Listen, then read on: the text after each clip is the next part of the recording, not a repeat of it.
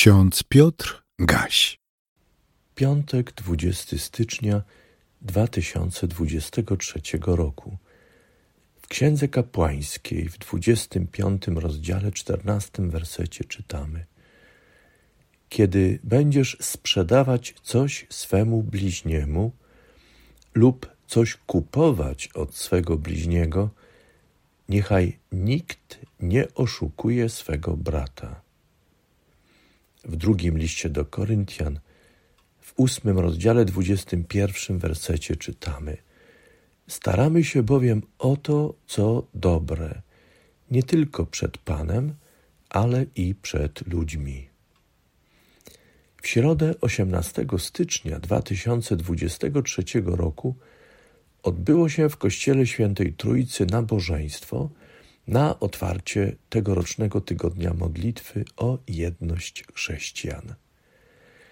Przypomnę, że hasło tygodnia czyńcie dobro i szukajcie sprawiedliwości, teksty biblijne i tematykę nabożeństw w poszczególne dni przygotowała Rada Kościołów Minnesoty.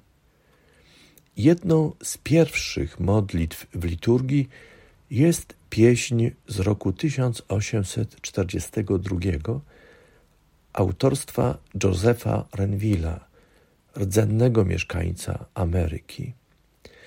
Prawdopodobnie jest to jedyny hymn rdzennego mieszkańca, który był śpiewany w Ameryce Północnej poza kręgiem Dakotów. Nie zaśpiewam jej, ale przytoczę jej słowa.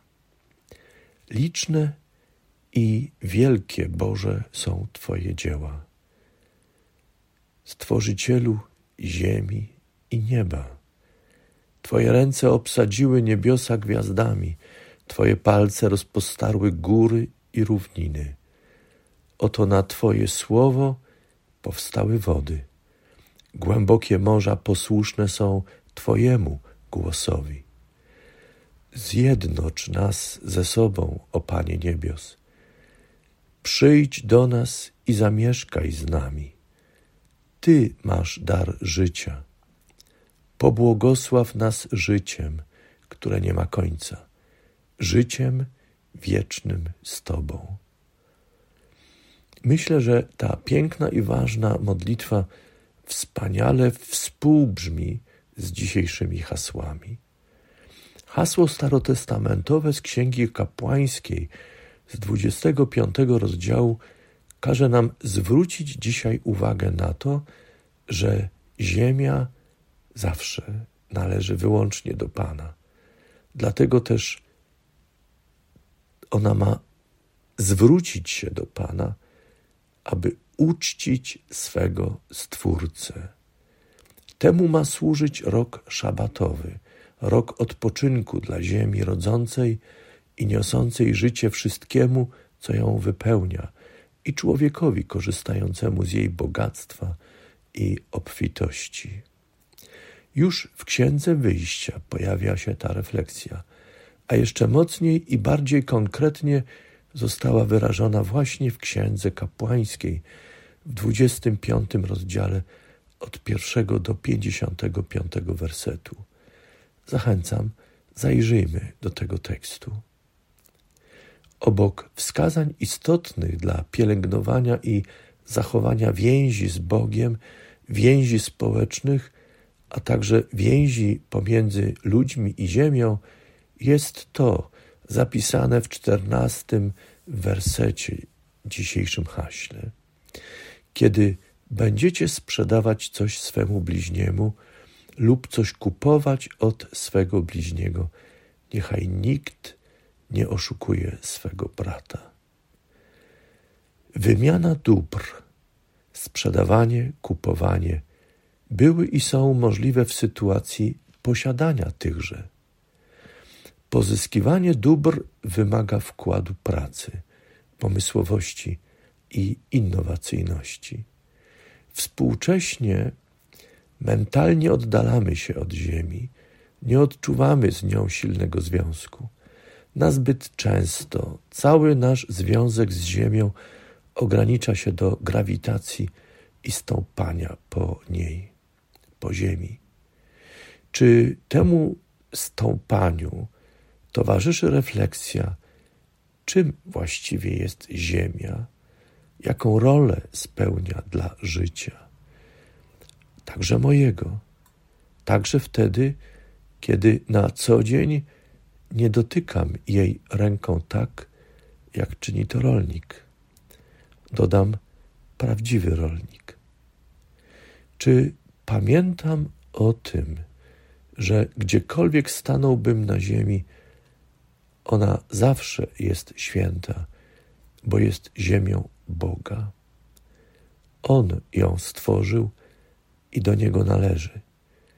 Nam w swej łaskawości i miłości pozwala przyjść na nią, być na ziemi, korzystać, czerpać z niej i cieszyć się nią, a potem, a potem oddamy ją innym, a oni też przejdą przez ziemię podobnie jak my, oddadzą ziemię innym. Na końcu tego łańcucha jest Bóg. Do Niego wszyscy i wszystko wróci.